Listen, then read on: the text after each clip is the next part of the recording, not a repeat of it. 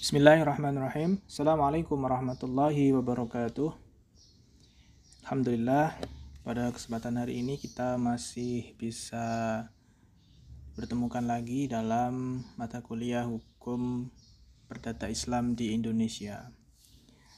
Eh, bagaimana kabarnya teman-teman hukum keluarga Islam YN Ponorogo? Mudah-mudahan sehat selalu Baik, kita sudah masuk pada tema yang kelima terkait dengan hukum perkawinan 4 yang akan membahas terkait dengan pertama pencegahan dan pembatalan perkawinan. Kemudian kita lanjutkan pembahasan terkait dengan hak dan kewajiban suami istri. Lalu kita akan lanjutkan juga pembahasan mengenai harta kekayaan dalam perkawinan. nah, uh, dalam hukum perkawinan 4 ini kita fokus pada tiga tadi yang ini kita sarikan dari kompilasi hukum Islam atau KHI dan juga Undang-Undang Nomor 1 Tahun 74 tentang perkawinan. Baik, langsung saja bahwa pencegahan dan pembatalan perkawinan ini kalau di KHI ada di bab eh, uh, 10 di pencegahan perkawinan atau di pasal 60 dan seterusnya. Nah, yang dimaksud dengan pencegahan dan pembatalan ini seperti apa? Jadi kalau pencegahan ini berarti belum terjadi perkawinan, kalau yang pembatalan ini kalau sudah terjadi perkawinan. Nah, sambil mendengarkan uh, kuliah saya ini, sekalian juga dilihat slide yang sudah saya buat, slide yang berisi konsep-konsep yang saya kira ini mempermudah untuk memahami apa yang akan kita bahas, ya. Uh, mengapa setiap judul saya beri uh, sub memahami hukum perdata Islam di Indonesia dengan mudah dan menyenangkan? Dengan mudah dan menyenangkan di sini berarti uh, saya berikan slide yang berupa konsep-konsep di sini mudah-mudahan bisa mempermudah kalian untuk memahami uh, setiap tema yang dibahas. Baik, uh, tadi sudah saya singgung bahwa dalam pencegahan perkawinan ini berarti terjadi uh, ketika seorang belum melakukan perkawinan. Nah, siapa yang bisa uh, mencegah uh, terjadinya perkawinan pertama adalah dari pihak keluarga baik dari calon mempelai wanita maupun calon mempelai pria. Bisa wali bisa wali nikah ya bisa saudara bisa keluarga. Yang penting masih dalam uh, ranah apa namanya keluarga di masing-masing calon mempelai. Dan juga bisa dilakukan pencegahan oleh istri atau suami sahnya calon mempelai. Ini terjadi apabila ada uh, calon mempelai yang salah satunya masih mempunyai suami atau istri yang sah, tapi melakukan melakukan uh, mau melangsung, melangsungkan pernikahan sehingga si istri atau suami yang sah ini bisa mencegah adanya perkawinan tersebut. Nah, kenapa sih kok harus dicegah perkawinan itu ya untuk menghindari adanya perkawinan-perkawinan yang eh, apa namanya yang dilarang itu kalau dilarang kan berarti nanti eh, akibat hukumnya akan jadi tidak sah begitu makanya sebelum terjadi perkawinan dicegah terlebih dahulu. Nah kemudian bagaimana caranya? Caranya tidak serta-merta kemudian mencegah begitu saja ya, tapi harus mengajukan permohonan ke pengadilan agama pencegahan perkawinan gitu ya. Jadi harus mengajukan dulu ke pengadilan agama gitu. Nah, kalau sudah diterbitkan uh, uh, surat pencegahan perkawinan dari pengadilan agama, maka mau tidak mau calon mempelai ini harus membat apa namanya tidak melangsungkan perkawinan karena sudah dicegah dengan surat permohonan atau surat putusan dari dari pengadilan terkait dengan pencegahan pencegahan perkawinan. Lalu kalau si mempelai ini tidak setuju atau mengelak atau menolak dengan pencegahan itu bisa kemudian eh, calon mempelai ini itu meminta PPN atau petugas pencatat nikah atau yang berwenang itu memberikan surat penolakan ya yang ini nanti juga diajukan ke PA itu jadi eh, kalau si calon mempelai ini mengelak dan menolak itu bisa tetapi harus juga dengan jalan di pengadilan agama. Jadi tidak serta merta bantah-bantahan begitu tidak, tetapi harus melaku, melalui pengadilan agama gitu. Itu pencegahan perkawinan. Lalu ada pembatalan perkawinan. Nah, pembatalan perkawinan ini untuk yang sudah terjadi perkawinan, yang sudah terlanjur kawin tetapi ternyata ada hal-hal yang dilanggar gitu. Nah, Pembatalan perkawinan ini bisa dilakukan atau terjadi karena pertama mungkin ya suami sudah beristri empat orang sah. Jadi sudah mempunyai empat orang istri tetapi masih mau nikah lagi. Nah itu bisa atau sudah menikah lagi ada istri yang kelima dan keenam. Nah itu bisa dilaksanakan pembatalan perkawinan. Kemudian menikahi mantan istri yang dilian ya, yang disumpah lian bahwa dia sudah uh, bercerai gitu ya dengan mantan istrinya tapi masih dilaksanakan masih masih terikat perkawinan maka harus uh, dibatalkan kemudian menikahi mantan istri yang ditalak tiga yang sudah ditalak tiga tapi masih mau menikah lagi maka ini harus dibatalkan kemudian menikah yang masih dalam larangan mahram ya mungkin Eh, menikah dengan saudaranya, menikah dengan ibunya dan sebagainya itu bisa dibatalkan. Kemudian poligami tanpa izin dari pengadilan agama ini juga bisa dibatalkan. Kemudian menikah istri orang lain, nah menikah istri sah orang lain itu nggak boleh dan itu bisa dibatalkan. Dan menikah tanpa wali, ya, itu juga bisa terjadi adanya pembatalan perkawinan. Kemudian menikah yang dilakukan karena paksaan. Jadi kalau ada pasangan mempelai yang terlanjur menikah tapi karena adanya paksaan itu bisa di diajukan pembatalan perkawinan. Caranya bagaimana ya? Caranya diajukan ke pengadilan agama. Ingat ya, semua harus ke jalur hukum di jalur pengadilan agama. Kalau uh, itu uh, menyangkut masalah-masalah orang Islam.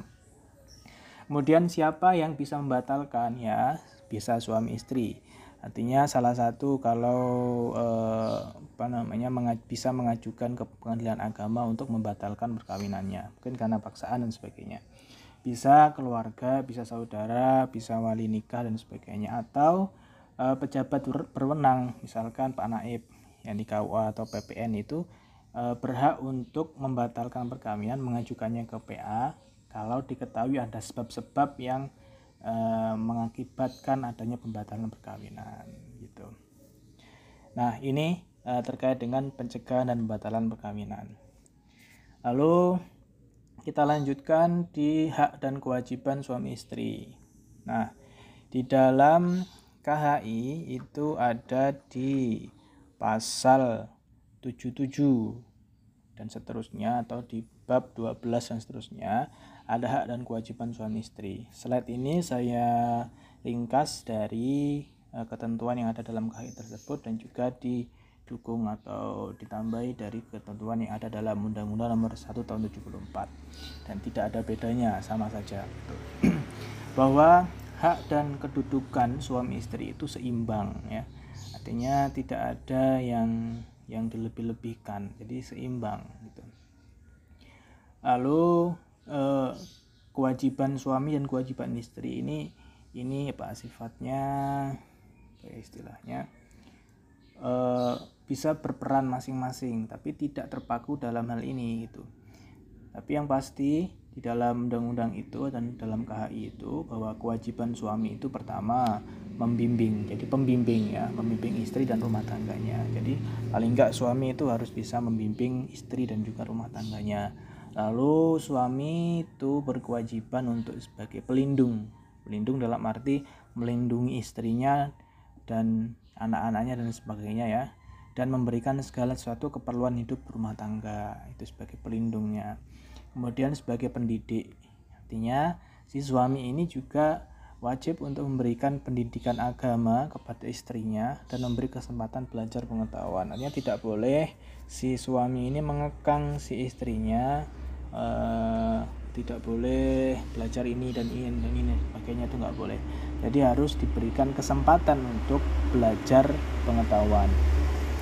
Lalu suami juga uh, berkewajiban sebagai penanggung finansial. Artinya uh, suami ini menjadi apa ya kepala keluarga penanggung semuanya gitu ya tapi yang pasti harus sesuai dengan penghasilannya ya itu menanggung nafkah uh, kiswah dan tempat kediaman bagi istri atau tempat kediaman untuk bersama kemudian biaya rumah tangga biaya perawatan dan biaya pengobatan istri dan anak kalau semisal sakit kemudian biaya pendidikan bagi anak Nah, ini tugas suami yang menjadi uh, kewajibannya ya sebagai penanggung finansial. Dan kalau istri bagaimana? Istri itu dalam dalam KI dan undang-undang bahwa kewajibannya adalah taat dan berbakti. Ya, kewajiban ini kewajiban utama ya secara berbakti lahir dan batin kepada suami di dalam eh, hal-hal uh, yang dibenarkan oleh hukum Islam. Jadi selama uh, suami ini memerintahkan hal-hal yang positif ya wajib untuk taat dan berbakti tapi kalau tidak tidak sesuai dengan hukum Islam artinya memerintahkan yang jelek-jelek ya jangan ditaati gitu. Dan juga istri ini berkewajiban untuk uh, menyelenggarakan dan mengatur keperluan rumah tangga sehari-hari dengan sebaik-baiknya. Nah ini uh, aturan-aturan yang ada dalam KAI dan prinsip ini tidak kaku ya tidak kemudian suami yang bertugas apa namanya mencari nafkah dan sebagainya. Kemudian istri dilarang mencari nafkah tidak. Tapi harus ada unsur ini namanya mubadalah. Mubadalah itu adalah kesalingan. Jadi rumah tangga itu dibangun dalam konsep kesalingan. Ini tidak menggantungkan salah satu gitu. Jadi harus perannya ini eh, sama-sama Eh, menegakkan rumah tangga yang samara, sakinah, mawadah, dan rahmah. Sehingga ketika suami dan istri e, memahami konsep mubadalah ini tidak ada istilah e, iri karena suaminya begini dan istrinya begini gitu ya. Tapi ada konsep atau apa e, rasa bertanggung jawab masing-masing untuk membina rumah tangga yang samara tadi jadi saling mencintai hormat menghormati kemudian setia ya bantu membantu dalam pekerjaan rumah tangga. Jadi tidak serta merta kemudian urusan dapur diserahkan kepada istri suami kemudian lepas tangan tidak. Tapi harus ya membantu lah bantu cuci piring bantu uh, apa beli sayur dan sebagainya itu itu menjadi sebuah uh, kerjasama gitu ya. Harus uh, dalam memelihara anak juga begitu mengasuh ya. Jangan sampai kemudian uh, untuk hal-hal pengurusan anak diserahkan semuanya ke istri. Suami tidak mau uh, misalkan tidak mau menggendong anaknya ketika masih bayi tidak mau uh, mengganti popok dan sebagainya. Kalau uh, apa namanya ada ada ada ungkapan yang yang menarik ya bahwa kalau membuatnya berdua maka mengurusnya atau merawatnya juga harus berdua gitu. Maka tidak menjadi tidak hanya menjadi kewajiban istri mengurus anak tapi juga suami juga e, berkewajiban itu. Jadi konsep mubadalah ini harus dibangun e, dalam berumah tangga sehingga nanti bisa menciptakan keluarga yang sakinah mawadah dan rahmah tanpa adanya saling iri saling apa namanya menggantungkan satu sama lain. Baik itu terkait dengan hak dan kewajiban istri. Lalu kita masuk pada uh, harta dalam perkawinan. Nah, dalam perkawinan itu ada yang istilah harta bersama, ada yang harta bawaan atau harta masing-masing. Di harta bersama itu ya, uh, kalau dalam KHI disebutkan uh, syirkah, gitu ya, harta yang diperoleh baik sendiri-sendiri atau bersama suami istri selama dalam ikatan perkawinan tanpa mempersoalkan hartanya terdaftar atas nama siapa gitu itu harta bersama nah suami atau istri itu tidak boleh menjual atau memindahkan harta bersama ini tanpa persetujuan masing-masing. Jadi harus uh, ada musyawarah lah kalau uh, terkait dengan harta bersama. Tetapi dalam konsep Islam itu juga ada yang namanya harta masing-masing gitu ya. Pada dasarnya tidak ada percampuran antara harta suami dan harta istri karena perkawinan. Jadi kalau sebelum sebelum menikah sudah punya harta uh, apa namanya masing-masing maka itu menjadi haknya masing-masing ya harta istri tetap menjadi istri dan dikuasai penuh olehnya demikian juga dengan harta suami tetap menjadi hak suami dan dikuasai penuh olehnya tetapi kan kalau dalam urusan rumah tangga itu harus eh, apa namanya ditanggung bersama sehingga keperluan-keperluan rumah tangga ya ya paling enggak eh, jadi tanggung jawab bersama gitu ya Lalu ada ketentuan lain, misalkan dalam hal hutang ya, pertanggungjawaban dari hutang suami atau istri itu ya dibebankan pada hartanya masing-masing. Kecuali kalau uh, hutang itu untuk kepentingan keluarga, maka ya ya dibebankan kepada harta bersama gitu. Nah, harta bersama dari perkawinan seorang suami itu uh, kalau punya istri lebih dari satu atau berpoligami itu ya masing-masing terpisah dan berdiri sendiri artinya si istri pertama dan istri kedua jika dia punya harta sendiri-sendiri maka tidak bisa dijadikan sebagai harta bersama gitu. Harta bersama itu hanya antara si suami dengan istri masing-masing itu tidak antara istri dan istrinya yang lain gitu. Itu yang uh, ada dalam ketentuan di KHI. Nah, Apabila terjadi cerai mati, ya, maka separuh harta bersama menjadi hak pasangan yang hidup lebih lama. Jadi kalau ada ya, suami istri istrinya meninggal misalkan, harta bersama ini menjadi menjadi separuh ya, jadi dibagi dua gitu. Ya nanti untuk ahli warisnya gitu ya. Kalau kalau punya ahli waris, jadi dibagi dua dulu, baru peninggalan yang separuh itu nah bisa dibagi menjadi harta warisan. Kemudian janda atau duda cerai ya, itu juga masing-masing berat seperdua, jadi dibagi dua. Sepanjang tidak ditentukan lain dalam perjanjian perkawinan, sepanjang di dalam perjanjian perkawinan tidak tidak dilakukan perjanjian perkawinan terkait dengan harta benda, ya, harta bersama itu. Itu hal-hal yang terkait dalam Eh, harta dalam perkawinan. Misalkan kalau ada sengketa harta bersama ya nanti bisa diselesaikan di pengadilan agama bisa ini ya pengadilan agama itu juga masuk uh, sengketa harta bersama itu masuk dalam dalam wewenang pengadilan agama.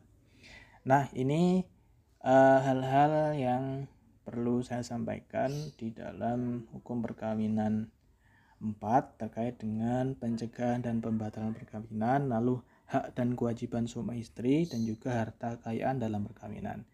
Baik, saya kira cukup. Uh, mudah-mudahan ini bermanfaat. Nanti bisa kita diskusikan lebih lanjut lagi. Akhirul kalam, Assalamualaikum warahmatullahi wabarakatuh.